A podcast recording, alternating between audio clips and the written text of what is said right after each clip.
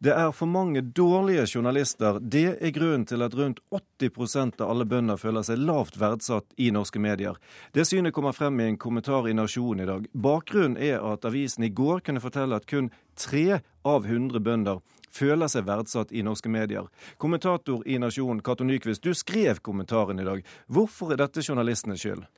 Ja, altså, Det er jo ikke bare journalistenes skyld, selvsagt. Men eh, jeg vil si at en del av forklaringa er at, eh, at, landbruket blir framstilt eh, på en dårligere måte i mediebildet enn hva næringa fortjener.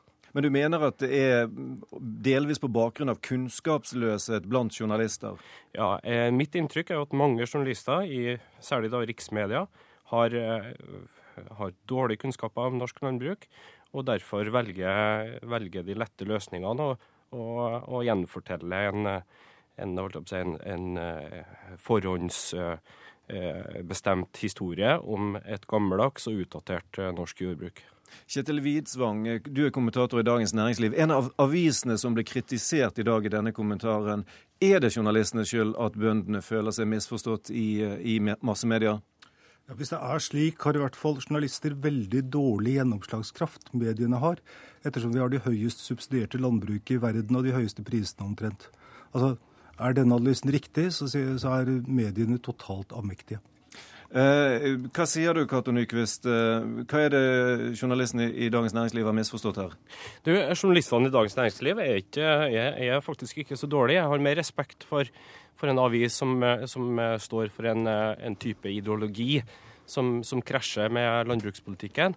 Eh, enn eh, den typen eh, journalistikk som, som, er basert på dårlige kunnskaper, som vi ser i en del andre aviser. Kan du, men kan, kan du gi et eksempel på hva du mener med at det er det dårlige journalistiske arbeidet som gjør at bøndene føler seg misforstått og lite verdsatt? Ja, for eksempel, da, i, i, fjor høst så, så innførte jo regjeringa eh, prosenttoll på, på, norsk, på, importert ost, slik at tollvernet ble styrka. Og I media så ble det ensidig framstilt som om eh, norsk eh, landbrukspolitikk ville føre til at, eh, at eh, norske forbrukere ville miste gode, altså gode utenlandske oster som roquefort og, og, og feta og, og gorgonzola. Og det, det stemmer jo selvsagt ikke hvis man går litt lenger inn i historien. Jeg tror faktisk det er galt. det. Altså, Når eh, du så på det avisene skrev, de fleste av dem, så var det veldig langt mellom påstanden om at denne tollen skulle gjelde de ostesortene som du sier, snakker om. Altså, Hvor sto det i VG, sto det i Dagbladet? Eh, ja, også eh, Jeg husker bl.a. VG brukte et, eh, et, begrep som skremmetoll når de omtalte eh, tollendringene til regjeringa. Ja, du, du, sier at de omtalte oster eh, som ikke var omfattet av tollen, som var omfattet. Har du eh, konkret eksempel på det?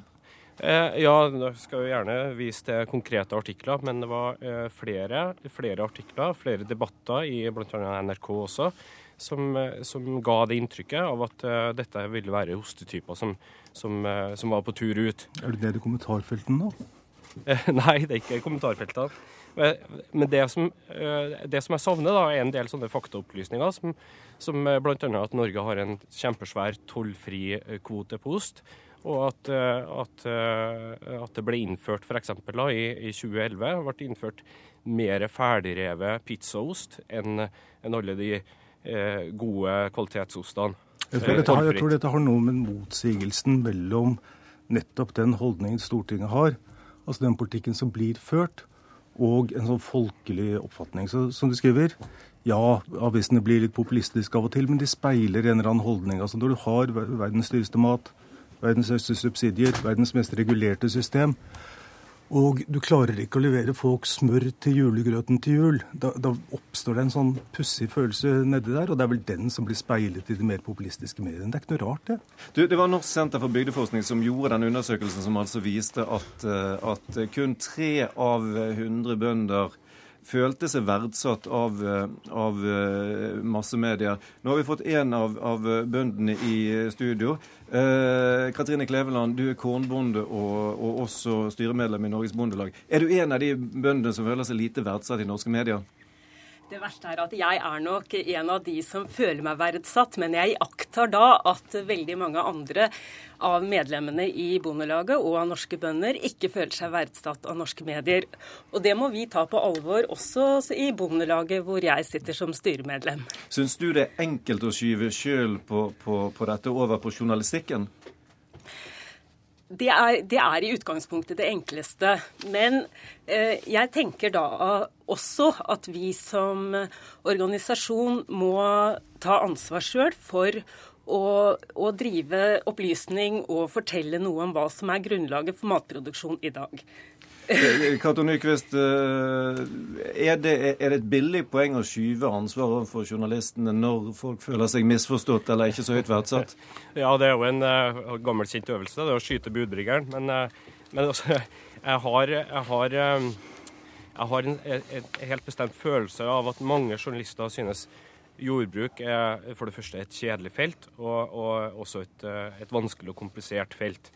Eh, det er Greit nok, landbrukspolitikk er både teknisk og tørt, men landbruk som sådan er, er, jo kjempespennende. Det handler til syvende og sist om ting som vi alle må forholde oss til.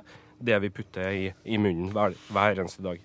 Kjetil Widsvang eh, fra Dagens Næringsliv. Eh, på hvilket område kan du gi, gi Nyquist rett i at journalister dekker eventuelt landbruk dårlig? Eller er det ingen, har du ingen på en måte selvkritikk på vegne av journalistene? Jo, skulle nå bare mangle. Altså, selvfølgelig. Det skrives mye dumt og mye galt i avisene hver dag. Og det er klart Altså, øh, Nasjonen dekker dette selvfølgelig mye bedre, mye mer korrekt og mye mer omfattende enn de fleste andre medier. Altså, Hvis Nasjonen begynner å skrive artikler om teknisk aksjeanalyse og en del andre ting vi driver med, så vil vi kanskje se på det med litt mer skepsis greit nok. Men, men er det ganske overraskende? Altså, nå har vi en av de tre av hundre bøndene i studio som faktisk føler seg verdsatt av norske journalister. Tallene er ganske klare? Ja, men årsakssammenhengen er ikke klar i det hele tatt. Hva, hva, tror du er grunnen til at du er i, i, i så til de grader i mindretall blant de bøndene som er blitt spurt? For det første så dreier det seg om at jeg er generelt positiv til livet. Så når jeg ble spurt, så sa jeg med en gang jeg er nok av de som føler meg verdsatt. Men jeg har respekt for at veldig mange av mine da yrkessøstre og yrkesbrødre føler seg misforstått når de hver dag står opp og går i fjøset, jobber lange dager og for, for det får ei lav lønn. Vi kommer ikke utenom at det er dårlig økonomi i norsk landbruk.